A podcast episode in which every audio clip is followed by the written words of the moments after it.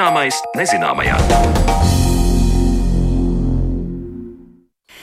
Esiet sveicināti! Skan raidījums Zināmais nezināmajā, to producē Paula Gulbīnska un mans vārds ir Mariona Baltkalne. Šo stundu veltīsim dažādiem mūzikas instrumentiem, vērtīgiem, retiem, ar neparastu skanējumu vai neparastu tā spēlēšanas veidu. Šādu saudabīgu mūzikas instrumentu vidū izceļas teremins un stikla harmonikas, kas radīti 20. gadsimtā un vēl senāk. Kā tie spēlēti, To mēs skaidrosim raidījuma otrajā pusstundā sarunā ar etnomuzikologu Valdi Muktu Pāvelu. Bet sāksim raidījumu ar stāstu par vēl kādu mūzikas instrumentu - pianolu rakstniecības un mūzikas muzejā Rīgā. Pašspēlējošās mehāniskās klavieres jeb pianola bija populārs mūzikas instruments 20. gadsimta sākumā. Ar plēšām izsūkts gaiss darbināja veltnīti ar perforētu papīra rulli, tādējādi izvilinot melodiju no pianolas. Nulekā rakstniecības un mūzikas muzejā tika pabeigts darbs pie šādas pianolas restaurācijas. Melodiju un stāstu par pianolu ierakstīja mana kolēģe Zane Lāce Baltāksne.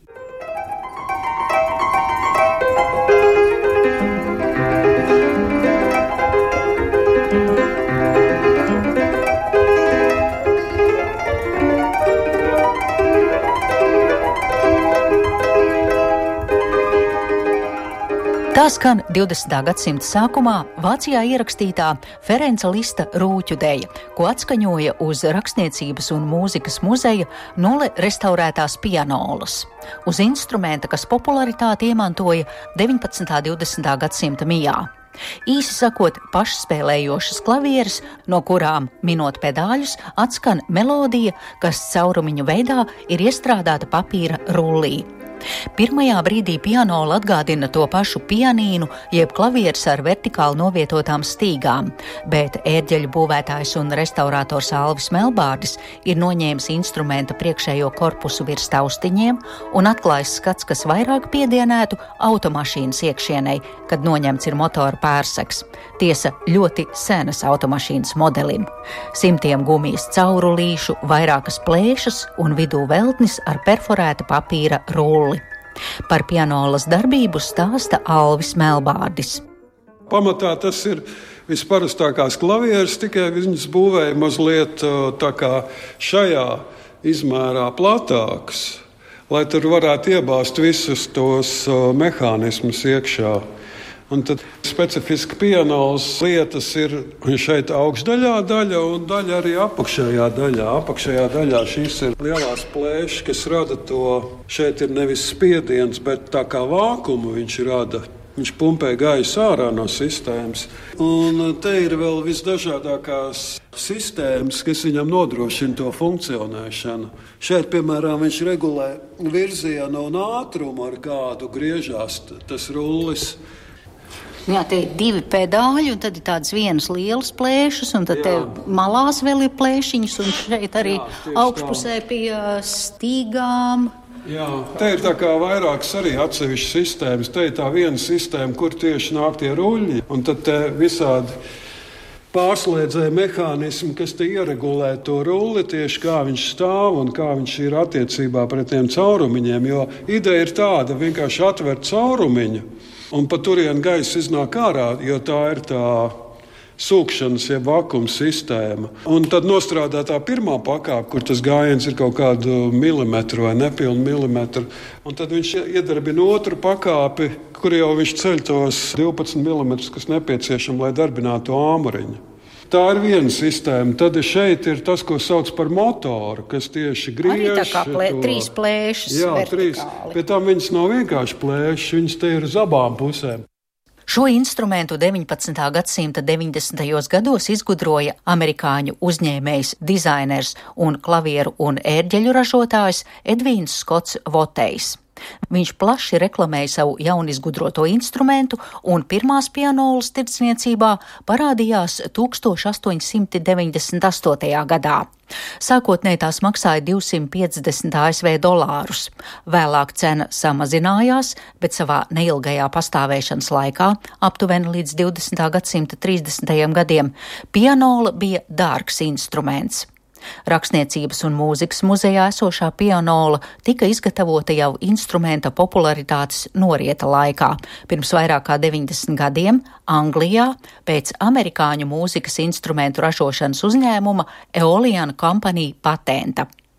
Kāds bija konkrētās pianolas mūžs, to stāsta Rakstniecības un mūzikas muzeja projektu vadītāja Katrīna Kūkoja.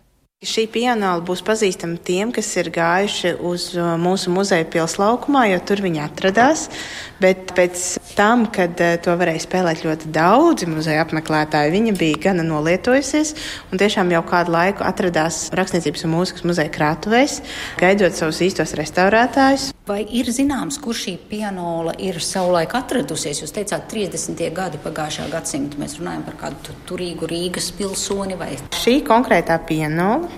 ir piederējusi Latvijas lauksaimniecības atašajam Lielbritānijā, vēlāk Nīderlandē, Beļģijā, Francijā, Emīlam Zelmanim. Bet par to, kur viņš viņu ir lietojis, un teiksim, tas ģimenes stāsts mums nav zināms, bet iespējams, ja kāds zina šo stāstu, mēs labprāt uzklausīsim. Mm. Bet pēc kara tad viņi būtu dzīvojuši šeit. Uh, Rīgā, jā, šis Rīgā, jā. pat Rīgā atradās. Uh -huh. jā. Jā, šis, Slāpumā, šis jā. instruments muzejā atrodas kopš 90. gadiem, un pateicoties Elmāra Zemoviča, mūsu Jā. Bijušā mūzikas krātuves glabātāja un vadītāja, centieniem šie brīnišķīgie, retie un interesanti instrumenti pie mums ir nonākuši. Jo patiesībā piano Latvijā tiešām nav daudz, Nav daudz, jā. un arī Alvis ir saskāries tikai ar dažām. Līdz ar to gan restaurācijā, gan vispār mums šis ir ļoti unikāls gadījums Latvijā. Lai arī pagājušā gadsimta sākumā tas skaitījās moderns instruments, tomēr mūzikas speciālistu vidū nevienmēr pianola guva atsaucību.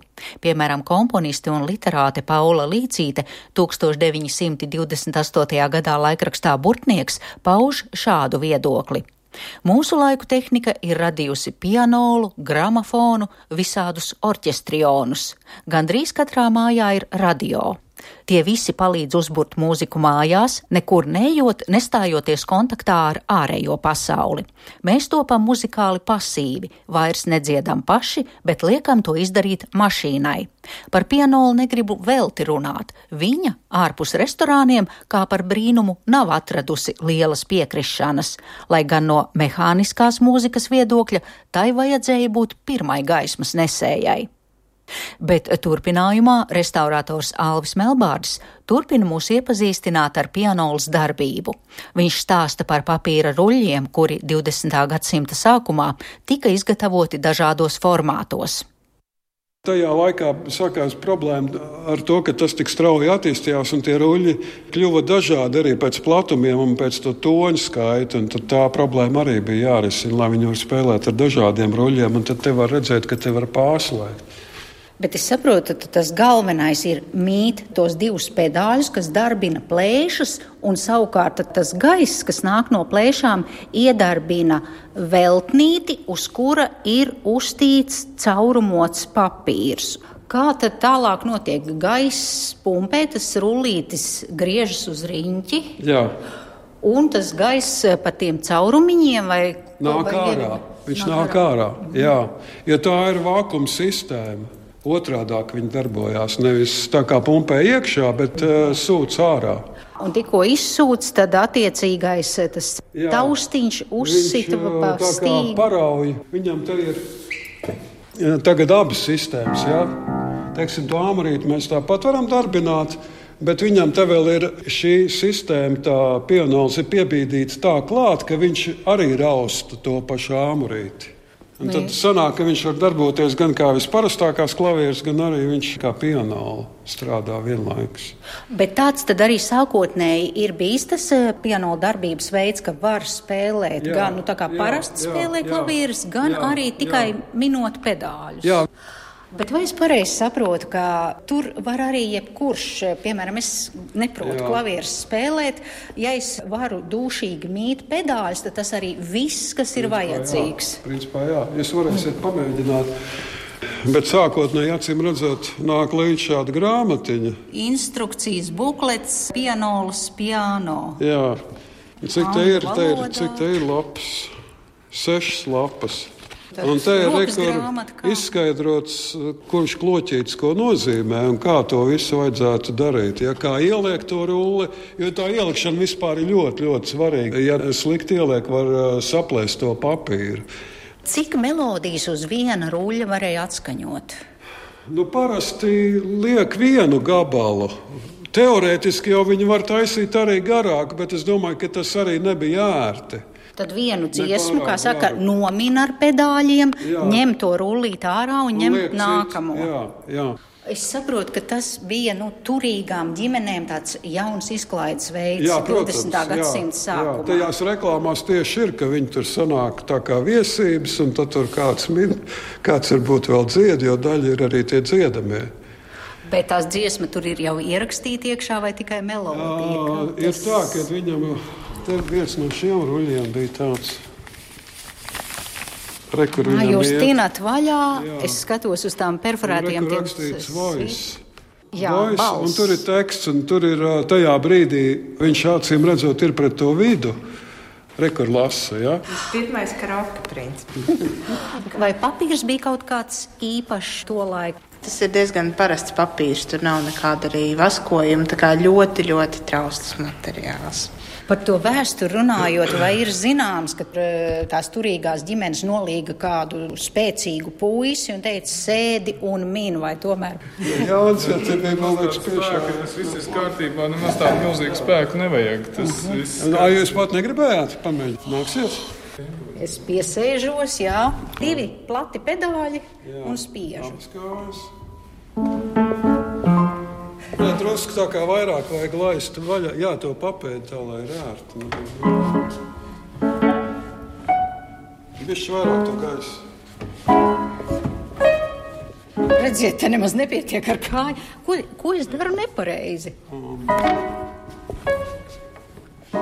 Tāpat tā kustība vienkārši. Te mēs redzam, ka katram ir jāpaliek pie savām liestēm, man pie mikrofona un jāapgūst pedāļu mīšana.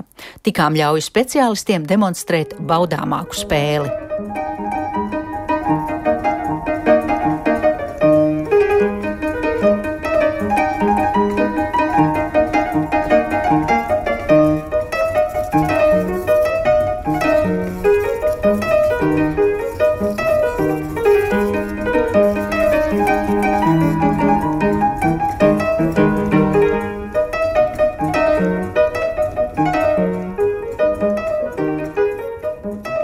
Jāpiebilst, ka visi interesanti drīz arī varēs aplūkot šo saudabīgo instrumentu, jo 7.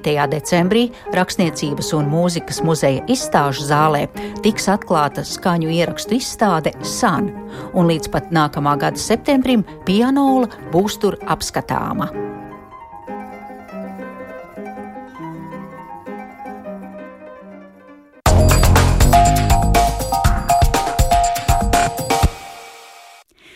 Paldies Zanē Lācei Baltāksnei, kura aicināja iepazīt stāstu par rakstniecības un mūzikas muzeja unikālas pianolas restaurāciju.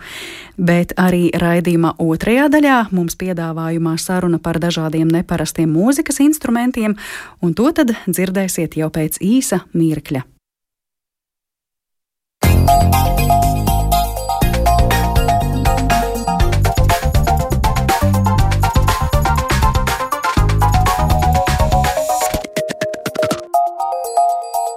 Zināmais, nezināmajā. Etnomūzikā ir vesels saraksts ar mūzikas instrumentiem, kurus vairums mūzikas mīļotāju pat lāgā neatpazīs. Taču ne tikai gadsimtus seni instrumenti priecē mūsu ausis, mazzināmi ir arī visai sarežģīti 20. gadsimta izgudrojumi, piemēram, teremīns.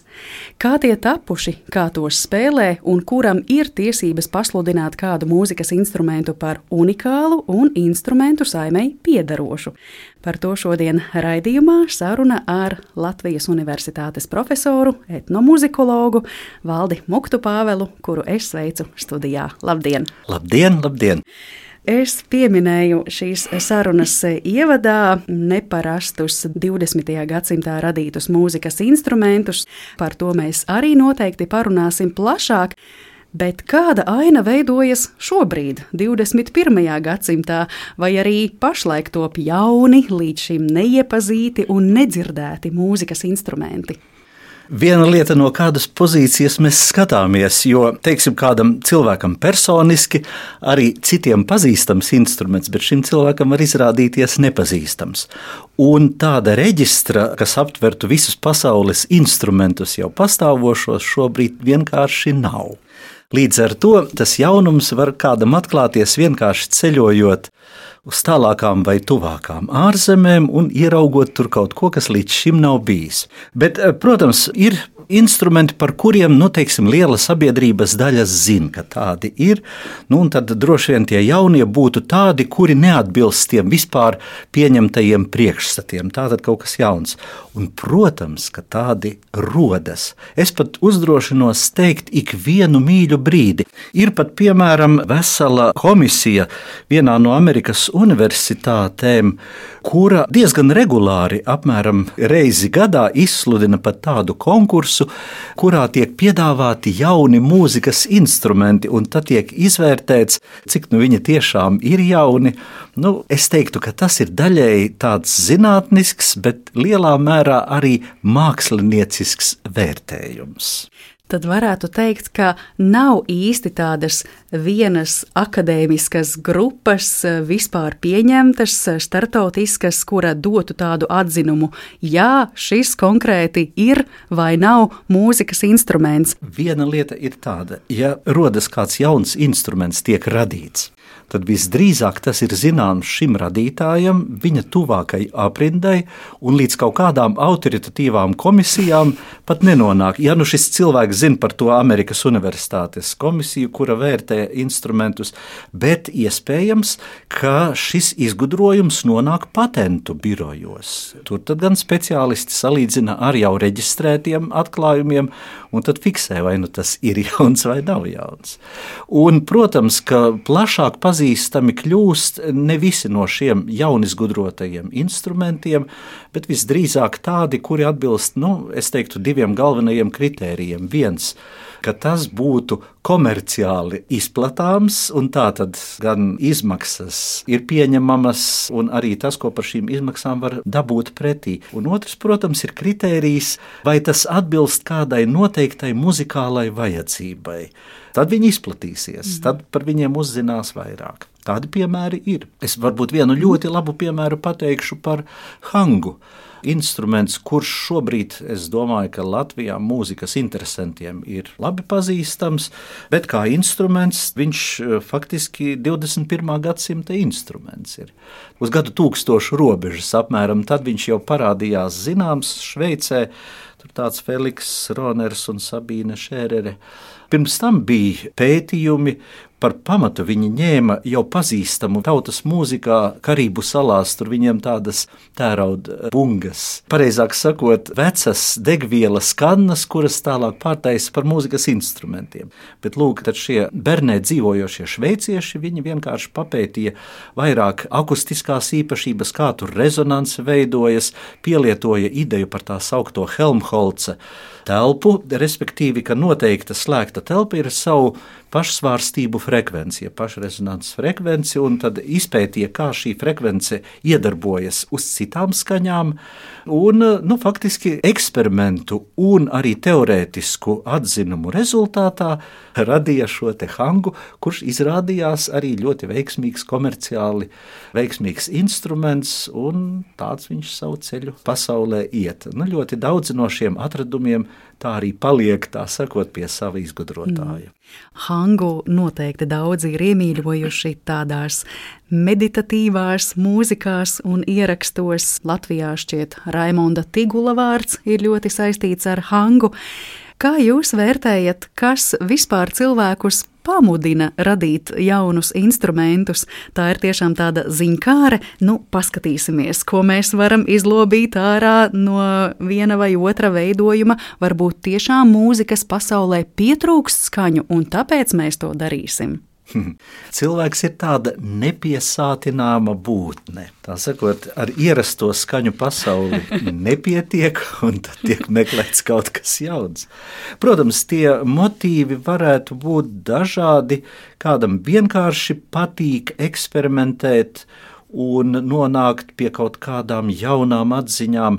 Cits varbūt grib izmēģināt jau kaut kādus iepriekš izdomātus teorētiskus pieņēmumus, citam vienkārši nejauši pēkšņi iet un aizķer kādu stiepli vai kādu nūjiņu, kas nokrīt zemē un rada īpatnēju skanējumu. Dažādi var būt šie impulsi, kāpēc cilvēks ķeras klāt tagad tai domai radīt kaut ko jaunu. Mm. Kādam varbūt vienkārši tās visas dzirdētās skaņas jau ir kļuvušas tik pierastas, ka gribas ieviest zināmu izmaiņu šajā visā lietā. Nu tad aplūkosim vienu no neparastajiem instrumentiem, tapušu 20. gadsimtā un tas ir teramīns, elektronisks mūzikas instruments, kuru tā izpildītājs kontrolē bez fiziska kontakta. Un zināms, ka instruments ir nosaukts krievu izgudrotāja Leona Teramīna vārdā. Viņš instrumentu patentēja 1928. gadā, Un tā ļoti vispārīgi raksturojot teramīna izskatu pēc tīmeklī redzēta attēla, varētu teikt tā, kastīte ar divām antenām, bet izrādās, ka tieši šīm antenām ir liela nozīme. Ko tad īsti dara šīs antenas un kā mēs galu galā iegūstam skaņu bez spēlētāja fiziska kontakta? Varbūt sāksim vispirms ar nosaukumu. Mm. Drusku dīvaini, ka jūs ar garo i beigās viņu izrunājat, jo tas ir uzvārds termins. Mm. Termin, respektīvi no turienes arī latviski būtu pareizi termins. Ir gan otrs variants, pats izgudrotājs, viņš piedāvāja nosaukumu termin vox darbs pie tā instrumenta viņam sākās jau Pirmā pasaules kara laikā. Pēc Pirmā pasaules kara beigām, tad viņš jau konkrēti 20. gadā jau darbojās un jau bija zināmi rezultāti, bet nu, tālāk viņš pakāpeniski arī to instrumentu pilnveidoja. Būtībā daudzu elektrisko instrumentu darbības pamatā ir tas, ka tiek veidotas strāvas ķēdes, kurās frekvenci tālāk nosaka kondensators kapacitāte. Un termina gadījumā tas kondensators veidojas starp antenu un spēlētāja roku. Būtībā attālums starp antenu spēlētāju roku un arī šīs antenas speciālais veidojums ļauj veidot tā saucamo pozicionēšanu. Respektīvi, tas kondensators ne tikai maina kapacitāti atkarībā no attāluma starp antenu un roku, bet arī atkarībā no novietojuma visas tās antenas garumā. Tehnoloģiski to diezgan labi termins ir realizējis. Un uh, otra roka savukārt nodarbojas, vai precīzāk sakot, tur otrs kondensators regulē skaņas intensitāti, respektīvi svārstības intensitāti. Jebkurā gadījumā šī elektriskā svārstība tālāk nonāk pastiprinātājā un jau no pastiprinātāja uz akustisko sistēmu, uz skaļruni, lai būtu dzirdama. Jo kamēr elektriskā ķēde tā ir, tikmēr tur, protams, mēs neko nedzirdam. Nu, kā arī lielākā daļa elektrisko instrumentu darbojas, tad ir kaut kādas ķēdes, tālāk šo ķēžu rezultātā radušies sprieguma un strāvas stipruma maiņas tiek pastiprinātas un tālāk jau pārvērstas akustiskā signālā ar skaņu sistēmas palīdzību. Būtībā ar to terminu rokas var iemācīties atrast noteiktas pozīcijas, līdz ar to arī noteiktus skaņu augstumus iegūt. Bet tāpat laikā roka kustas telpā nevis digitāli, bet gan skarot visu šo te telpu. Līdz ar to ir nepārtraukta frekvences izmaiņa iespējama. Tātad, nu, kā mēs teiktu, glisando visā diapazonā. Nu, protams, var iemācīties ar laiku, tur ļoti, tā sakot, precīzi regulēt savu rokas pozīciju un iemācīties kaut kādu noteiktu skaņu rindu ar definētas frekvences skaņām, tomēr iegūt. Es iedomājos, cik tas ir interesanti. Cilvēks stāv pie šī instrumenta un tā filigrāni, graciozi kustinot rokas, nosaka gan to, cik skaļš būs skaņdarbs, gan arī skaņas augstumu, protams. Saprast. Reizēm ne tik graciozi, jo tad, kad vajag iegūt atsevišķas pakāpes vai arī lecienu, rokas kustība ir tāda strauja un impulsīva. Bet, protams, nepieskaroties fiziskam, materiālam objektam, bet kustinot rokas gaisā, nu, tas process pats par sevi ir vizuāli ļoti e, iespaidojošs. Tas bija viens no termina panākumu atslēgām, tas, ka spēlētājs neskaras instrumentam klāt. Par termina skaņām daži saka, ka tas atgādina čelu, kas pazudis miglā un izmisīgi meklē ceļu mājup. Nu, salīdzinājums man liekas, ir diezgan labs, jo viena lieta ir tāda, ka čelam grifs nav iedalīts kā piemēram ģitārai sīkākās daļās. Līdz ar to teorētiski uz čela varētu izspēlēt tādu glisando vienas stīgas garumā, un eh, tas arī tas, ko ar terminu var izdarīt.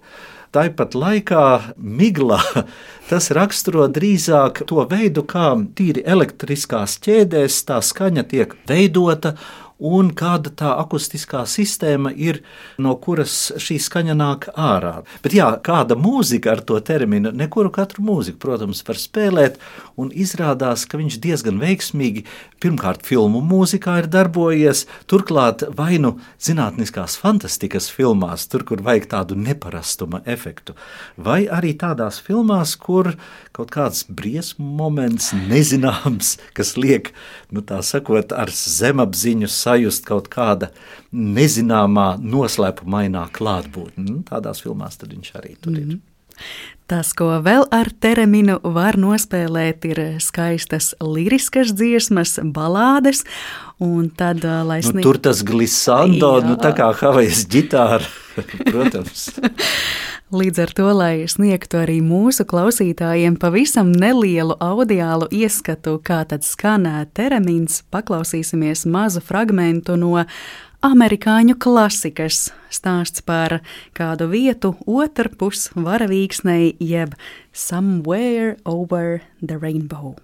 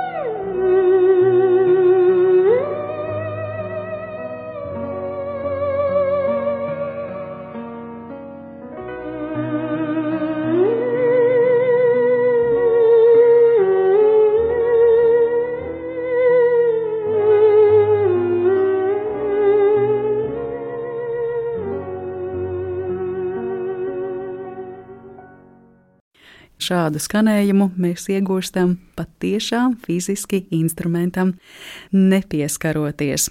Starp citu, kā būtu pareizi dēvējams šī instrumenta izpildītājs, tereminists? Jā, pierastie modeļi, tātad čels, čelists, viole, violnieks. Jā. Tur jau latviešu valodā būtu savs. Nu, termins terminētājs, terminists, varbūt terminists arī, jā. Jā, protams. Bet es iedomājos, cik viegli būtu apgūt eh, šāda instrumenta spēli, un vai palīdzētu priekšzināšanas ar kādu citu instrumentu, piemēram, to pašu čelu. Droši vien sākot jaunu instrumentu, apgūt instrumentālās iepriekš iegūtās iemaņas, ne visas var izrādīties noderīgas.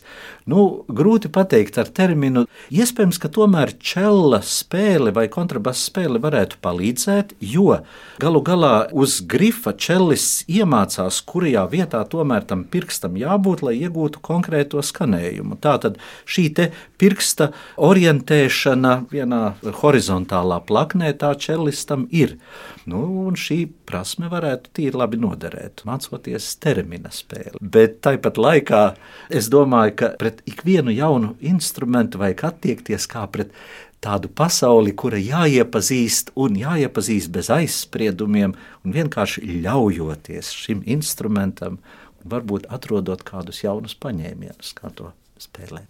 Es vienkārši iedomājos, ka varbūt eh, teremins bija kaut kas visai sarežģīts, ņemot vērā to, ka instrumentam fiziski nepieskaras, un to pierāda arī fakts, ka vēsturē sākotnēji teremins raisīja protams, ļoti lielu interesi, un, piemēram, ASV 1920. un 30. gados termina spēlētāja Klāra Rokmora pat plaši uzstājās ar termina spēli, bet pēc otrā pasaules kara mūziķi terminu pārstāja lietot, jo tika ieviesti jaunāki elektroniskie instrumenti, kurus bija vieglāk spēlēt terminu pabīdīja malā sintēzatoru ieviešana. Turklāt eh, sintezatori tā ir vesela pasaule. Termins jau arī nu, varētu viņu eh, teiksim, uzskatīt kā tādu analogo sintezatoru ar ļoti specifiskām iespējām. Bet teiksim, tā tehnoloģija attīstība ir radījusi milzīgas iespējas. Analogie tad ir digitālie sintezatori, tad jauna elektrisko instrumentu kategorija, kas ir sampleri Tieši tāpat analogie digitālie un to dažādās kombinācijas un hibrīdi. Tā ka tur tās iespējas nu, ir faktiski bezgalīgas mūsdienās. Nu, protams, kādā veidā tas atkal tiek izmantots, ir instrumenti, kuri tiek aprīkoti ar klaviatūru, un tad tā sakot, spēlētāji to lieto kā citus taustiņu instrumentus, bet ar specifiskiem tembriem, bet tāpat laikā šajā sintēzatoru pasaulē, kā viņus lieto, ir spēlēšanās ar pogām, kloķiem, visdažādākie paņēmieni, pārbīdāmi kloķīši, arī e, kuri to pašu glisando taisa, visdažādākie veidi, kā var iedarboties uz skaņu, kā var skaņu sintēzēt, kāda veida skaņas sintēzēt. Jā, tā ir mm. tāda vesela pasaule.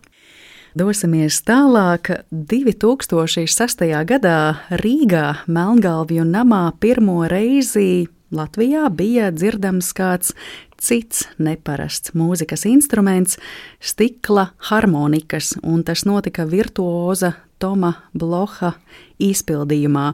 Un izrādās, ka stikla harmoniku vēsture ir krietni senāka par 20. gadsimtu. Tādu precīzu starta punktu pateikt būtu grūti, bet zināms, ka 1761. gadā instrumenta uzlabojumus veica Benjamins Franklins. Un atkal pavisam īsi raksturojot instrumentu, uz horizontālas metāla ašas ir savērtas dažāda izmēra stikla puslodes, iekustināmas ar pedāļu palīdzību. Turklāt šīs puslodes ir novietotas gareniskas formas futrālī ar ūdeni, kas samitrina pusložu malas. Un eh, te iespējams varētu raisīties asociācijas, kad ar ūdeni tiek vilkts gar glāzes malu, un arī tādā veidā rodas skaņa. Kādu mēs skaņu iegūstam ar stikla harmonikām, un ko šeit dara cilvēks? Būtībā tā ir vesela mm, instrumentu grupa, tā sauktie frikcijas pašskaņi kur ideja, kā iegūt skaņu, ir, ka instrumenta korpusu iesvārsta minisvārstības, kuras rodas vai nu pa instrumenta virsmu pārvietojot, teiksim, lociņu, kaut kas līdzīgs violas lociņam, tātad iesveķots zirga astru vai kādu mākslīgu šķiedru saturošs tātad lociņš, vai arī citādā veidā, piemēram, ar nūjiņu, ar pirkstu, Un pie tās pašas grupas pieder, protams, arī tas, ko jūs minējāt, glāze, stikla glāze. Es domāju, ka ik viens ir savu laiku izmēģinājis šo instrumentu, kādā kafejnīcā sēžot, garlaikojoties ar samitrinātu pirkstu, bet tur pietiekoši plānai glāzes maliņai ir jābūt. Un tad velkot eh, gar šo maliņu, pamazām to mikro impulsu rezultātā, kas rodas pirksta ādai strīķējoties gar glāzes maliņu šo mikroimpulsu rezultātā pamazām sākas vibrācija, kura kļūst ar vien skaļāka, kļūst dzirdama un veido šo skaņu, kura it kā iznirst no nekurienes var būt diezgan intensīva. Pēc šī paša principa darbojas arī Tibetas zvani vai skanošās bļodas, vai kā nu viņus kurš nosauc. Tikai tur instruments ir gatavots no metāla no īpaša sakausējuma, kā paši tibetieši saka, septiņu metālu sakausējums, un ieskandināts tiek ne jau ar pirkstu, bet gan ar īpašu tādu koka vālīti, kura vēl ar ādu ir aplīmēta. Un tad šai vālītei slīdot gar instrumenta ārējo malu tiek iesvārstīti. Tātad tur šīs mikroimpulsi rodas, un pamazām tas zvans no pilnīga klusuma, tā skaņa uzplaukst, kļūst ļoti labi dzirdama, ievibrē visu gaisu, ievibrē pašu spēlētāju un pazūd. Un šis princips ir pielietots arī citu instrumentu gadījumā, tostarp šī stikla harmonika. Tai harmonikai gan dažādi veidi. Tas, ko jūs minējāt, ir tikai viens no veidiem, jo, piemēram, Eiropā tajā pat 18. gadsimtā bija arī eksperimenti ar stikla nūjiņām. Piemēram, spēlētāju uz glāzēm. Tas ir viens no ielu mūzikas veidiem, kas ir pastāvējis arī gadsimtiem un mūsdienās turpinās. Respektīvi, glāzīšu komplekts, kur spēlētājs jau ar samitrinātiem pirkstiem, braucījot glāžu maliņas, ieskandina ne tikai vienu glāzīti, bet spēlē jau noteikta veida melodijas, pavadījumu ar abām rokām, tā sakot. Un viens no tādiem svarīgiem eksperimentētājiem bija Hladnī, kas Virtembergas Universitātē eksperimentēja vispār ar dažādiem gan ar metāla plāksnēm, ieskandinot viņas. Eh, turklāt viņam vēl tie eksperimenti bija ļoti interesanti. Viņš uz metāla plāksnēm uzkaisīja smalku vai nu dzelzpulveri, smiltis vai kaut kādu citu tādu smalku materiālu. Jā, un tad to plāksni nostiprināja ar violes veida lociņu, ieskandināja dažādās vietās un skatījās, kādi ornamenti veidojas uz tās plāksnes, jo tie ornamenti ļoti regulāri tur veidojās. Un arī e, viņam bija eksperimenti ar dažādiem stikla objektiem un kā tos var ieskandināt. Un viņš bija viens no eifona radītājiem. Faktiski viņš bija tas, kas radīja to eifonu. Tur gan, protams, interesanti paskatīties, kā Eiropas eifons saskan ar to Amerikas eifonu, kuru jūs pieminējāt. Bet lūk, šis Hladnī radītais eifons, tā bija tāda kaste, kur bija 42 stikla cilindri, un tos cilindrus spēlētājs jau ieskandināja ar samitrinātiem pirkstiem. Bet nereti tam eifonam arī ir veidoti mehānismi, kas tātad bez jau spēlētāja pirkstu klātbūtnes arī ļauj viņam ieskanēties. Nu, lūk, kāda tā eifona skaņa ir un kāpēc tāds nosaukums eifons? Tas nosaukums pats par sevi no grieķu valodas ej, tātad labs, fonē skaņa, labskaņa. Tātad mm. instruments, kura skaņa ir īpaši laba salīdzinot ar citiem instrumentiem. Nu, patiešām tas stikla plāksnīšu skanējums, stikla cilindru skanējums, viņam nav tādas asas atakas, kas ir lielākoties citiem instrumentiem. Stīgu instrumentiem vienmēr mēs dzirdam šo ataku. Vai nu paraujot stīgu, iestriņšķinot vai ar lociņu Vienalga, tas pirmais impulss rada, uh, tur, ja precīzi izpētītu to skaņas pašu sākumu, tad viņš ir tāds intensīvāks, viņā varbūt nav melodiskā komponenta tik daudz, mums ļauj atpazīt arī tā instrumenta skanējumu. Bet eifons, tā skaņa bez atakas, viņa tāda parādās no klusuma, un tad klusumā arī aiziet. Un tāpēc droši vien viņš arī tāds ir nosaukts. Bet sakiet, es pareizi sapratu, ka es kā izpildītājs vienkārši ik pa laikam mērcēju pirkstu ūdenī, plus vēl izmantoju pedāli. Ja? Tie pedāļi visdrīzāk bija, lai e, viņiem piešķirtu rotācijas kustību. Tā sakot, lai nav ar rokām jābrauk pa tām stikla cilindrīšiem vai Jā. puscilindrīšiem, vienalga kāda forma tur ir. Bet lai viņi jau paši rotētu un spēlētājs tikai pieskaras viņam. Tie mehānismi arī tādi, ka tās plāksnītes jau tiek mitrinātas visu laiku. Tātad nav nekur pat jāmērcē mm. speciāli. Kāds bija šo stikla harmoniku liktenis, piemēram, 19. un 20. gadsimtā? Kādu mūziku ar šo instrumentu spēlēja? Parasti šie izgudrotie, jaunizgudrotie instrumenti, viņiem ir kāda īpaša kvalitāte, kuras dēļ tas tiek lietots, bet toties iztrūkst visas pārējās kvalitātes. Un eifona gadījumā droši vien tās citas kvalitātes ir uz viņa nevar nospēlēt e, jebkādu mūziku. Ar viņiem nevaram izspēlēt nekādus stakāto, nevaram izspēlēt tur 16 vai pat 8 daļās, bet garākās skaņās. Nu, Tātad viņam vajadzīga jau speciāli komponēta mūzika. Arī e, dinamiski eifons ir samērā kluss instruments, līdz ar to, piemēram, kopā ne ar visiem instrumentiem arī ir lietojams. Nu, tas arī noteica to, ka viņš faktiski tika aizmirsts, un, ja nu tagad parādās, tad kaut kādos specifiskos projektos, kur vai nu tā mūzika, kas viņam speciāli komponēta, vai arī šobrīd tiek radīta speciāli šim projektam, šim instrumentam, kombinācijā ar citiem instrumentiem, raksturīga mūzika. Mm. Nu, tā tad tas nav tāds plaši pielietojams un vienkārši darbināms. Sakiet, vai jūs eh, varat arī ko komentēt par tādu instrumentu kā Martēno viļņi, vai ar to ir bijusi saistība. Ļoti līdzīgs terminam, skaņas ģenerēšanas ziņā. Būtībā arī elektronisks instruments, kura radītājs ir Moris Marteno, franču izgudrotājs. Marteno viļņi, ondes Marteno, tas būtu franciski, latviešu tulkojot, jā, Marteno viļņi. Tur drusku savādāks ir tas skaņas veidošanas princips, jo tam instrumentam ir gan taustiņi, gan ir tāda metāla stieple, pa kuru var slidināt ar gredzenu. Un tur veidojas tātad šīs dažādas kapacitātes. Tālāk jau elektriskajās ķēdēs tā skaņa var būt pat ļoti līdzīga terminam, varētu būt, bet tas pats primārais dažādo kapacitāšu iegūšanas veids ir atšķirīgs. Tur vēl arī citas palīgi ierīces, kā tur var pārtraukt skaņu, kā tur vēl kaut kādā veidā viņu modificēt, bet elektriskā ziņā tur, es domāju, ļoti liela atšķirība nav. Man liekas, ka viņu pat ir raksturojuši sava laika, vismaz presē, bija tāds apzīmējums, ka tas ir hibrīds no čela un termina. Respektīvi, abus sakrustojot kopā, ir iznākuši Marta no viļņa. Ak, tā! Jā.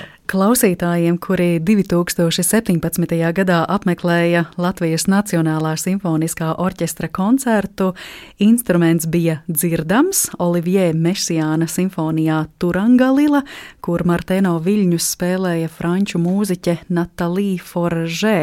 Un vispār tas izskats eh, ir diezgan interesants. Jūs minējāt, varbūt krustojums čellam un tereminam, bet. Eh, Viņam ir klaviatūra. Viņa, jā, jā, jā, instruments. Bet skaņas ziņā jā, visdrīzāk. Jā šis raksturojums ir. Un, protams, tā kā uh, viņš ir Francijā radīts, tad tur arī franču komponisti, 20. gadsimta 20. gadu komponisti ir izmantojuši savās kompozīcijās, un tāpēc tur viņš parādās. Tāds klavierēm līdzīgs pamatkorpus un vēl skatuve ar vairākām kastītēm. Ko klavierēm lai... ļoti nosacīti. Tur Jā. ir taustiņi, bet viņš ir maziņš. Viņš mm. nav ne tuvu klavieru izmēriem. Mm. Starp citu, tajā formā, kā Martino bija viņu uztaisījis, viņam arī tie visi vadi, kas sasaista šīs dažādas ķēdes, tie ir tīri vizuāli redzami, labi redzams tāds vadu kušķis tam instrumentam.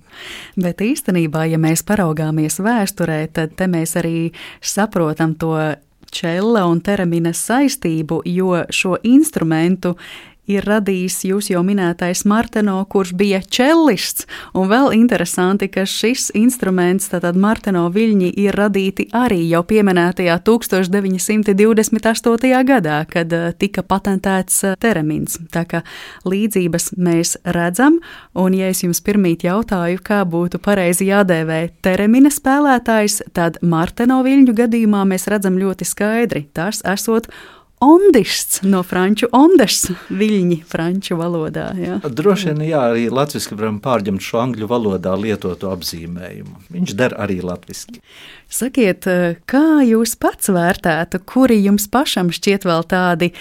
interesanti, neparasti mūzikas instrumenti, kurus šobrīd prot spēlēt vairs tikai retais vai arī nespēlē neviens.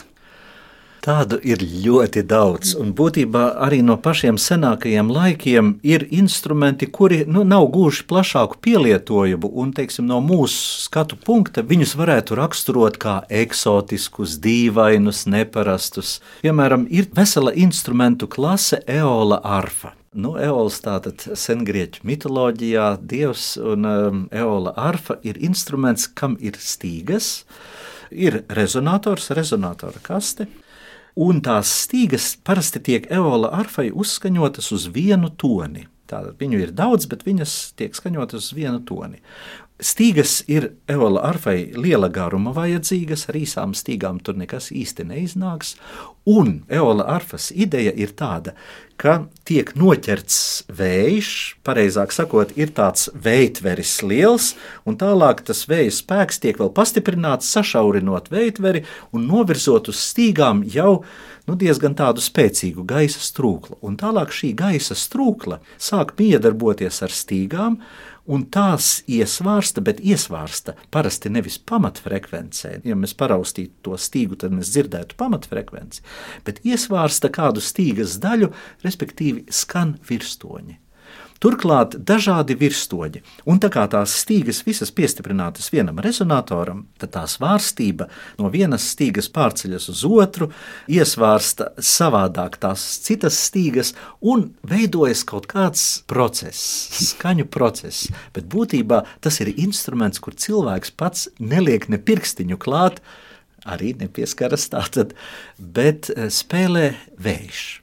Un eh, tādas eola arfas, tā bija savulaik pat modes lieta, viena alūksnes parkā esot bijusi. Kas tur eh, alūksnē barons ir bijis savā parkā. Fītinghofi. Uh, ir izveidojis lūk šādu te eola arfu. Diezgan modes, modes lieta 16., 17., 18. gadsimtā vēl.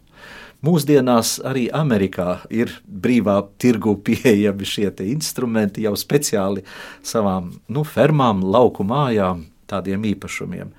Teiksim, no 17. gadsimta varētu pieminēt tādu instrumentu kā naglu vijole arī kas savulaik bija izgudrots, tur Vācijā tāds Johans Vilde Viņš, nu vismaz leģenda vēsta, ka ar lociņu viņš bija pieskāries metāla stienītim, un tas stienītis ieskanējās. Tad viņš bija sācis eksperimentēt un izdomāja, paga, paga, kāpēc vajag noteikti zardu stīgām būt, ja varētu metāla stienīši būt. Un tad ar dažāda garuma metāla stienīšiem, kurus iestiprināja iekšā koka korpusā, pareizāk sakot, kā naglas iedzina iekšā tos stienīšus tajā koka korpusā, salieca un izvietoja viņus tā, lai katru individuāli ar lociņu varētu ieskandināt. Lūk, un tad viņam eksperimentējot, izdevās panākt tā, ka teiksim, izgatavo šādu stienīšu komplektu, kurā ir chromatiska skaņu rinda, nu, tātad cik tur pāris oktāvu apmērā. Nu, un tad šādu instrumentu ar lociņu var ieskandināt. Un, bet, protams, atkal nevar izspēlēt kā uz violes, pat ļoti īsa dalījuma skaņas, bet tikai tādas garākas, jo tur vajadzīgs laiks, lai katru to kociņu ieskandinātu. Teiksim, noteiktā secībā tur viņus var ieskandināt. Nu, tā tad zināmi tādu ierobežojumi, bet kā skaņa tam instrumentam tā atkal bija tāda mistiska, ļoti uzrunājoša, un kādu laiku arī tāds tika izmantots. Un mūsdienās iespējams atkal tiek atrasts. Tādi instrumenti, kā jau es teicu, ir un rodas ar vien jauni. Un ko jūs, kā etnomuzikologs, no savas pieredzes varētu izcelt kā tādu neparastāko instrumentu, ar kuru jūs esat saskāries? Viens, kas man nāk prātā, ir muzikālais lokus daudzās mācību grāmatās definēts kā pats primitīvākais stīgu instruments. Un šajā gadījumā es uzreiz teikšu tieši otrādi viens no sarežģītākajiem stīgu instrumentiem. Ja, piemēram, mēs paskatāmies muzikālā loka tradīcijas, kur vēl viņas joprojām pastāv, tā ir Dienvidāfrika. Kalahari tūkstnes uh, pamatiedzīvotāji. Viņiem tas ir viens no svarīgiem instrumentiem. Tad lūk, šis muzikālais lokus tiek gatavots no saliektas koka nūjas, tālāk ir dabiskā šķiedra. Nu, tā tad taiziņā ir tiešām ļoti līdzīgs lokam. Bet tālāk spēlēšana. Stīgu instrumentiem ir vajadzīgs rezonators. Muzikālajam lokam ir divi veidi rezonatori. Viens ir spēlētāja mutes dobums. Tātad spēlētājs to stīgu laiž caur muti, cauri vienā no instrumenta galiem, un tālāk ar mutes dobuma palīdzību panākt dažādu virstoņu rezonēšanu. Tātad muzikālais lokus jau darbojas kā virstoņa instruments. Otra lieta - pa šo loku, pa stīgu viņu nevis vienkārši kaut kā rausta vai kā, bet ar kociņu dažādas ritma figūras eh, pa to stīgu sitot ieskandina. Tātad tur veidojas noteikta ritmiska struktūra. Un vēl viena lieta, ko ar to muzikālo loku dara, ka spēlētājam rokās ir metāla stienis vai metāla plāksnīte, ar kuru pieskaras stīgai regulāri vienā vietā un atlaiž to stīgu. Respektīvi, iegūst divus pamattoņus. Viens, kad plāksnīte piespiesta, otrs, kad plāksnīte atbrīvota. Un tālāk spēlētājs jau mainot rezonances apstākļus mutē, spēlējas ar divām virsmoņu rindām. Turklāt to visu iekļauj iekšā vienā noteiktā ritmiskā struktūrā. Kopumā tas ir ārkārtīgi sarežģīts Kosmos. instruments, un tas ir kosmos arī tādu klausīties. Jā. Nu, šādus piemērus var minēt ļoti daudz. Jādomā par tik daudzām lietām vienlaikus un vēl par ritmu. Bet es jums saku lielu paldies, ka jūs šodien eh, mums izgaismojāt eh, daļu no visa šī plašā kosmosā ar skaņām un instrumentu daudzveidību. Un ticu, ka jūs savā radošajā darbībā vēl noteikti arī saskarsieties ar ko tādu, ar ko līdz šim nav bijusi saskara. Jā, mūzikas instrumentu pasaule ir burvīga, aicinoša un apbalvojoša tos, kuri tajā iet iekšā un pieņem šo pasauli. Paldies par sarunu Latvijas Universitātes profesoram, etnomuzikologam Valdim Muktu Pāvelam. Paldies, Paldies jums, Valdi! jums! Un ar to mūsu raidījums šodien arī izskan. Par to gādāja Paula Gulbīnska, Nora Mītspapa, Girts Bišs un pie mikrofona bija Mariona Baltkalne. Un mēs atkal tiksimies jau nākamajā raidījumā. Visu labu!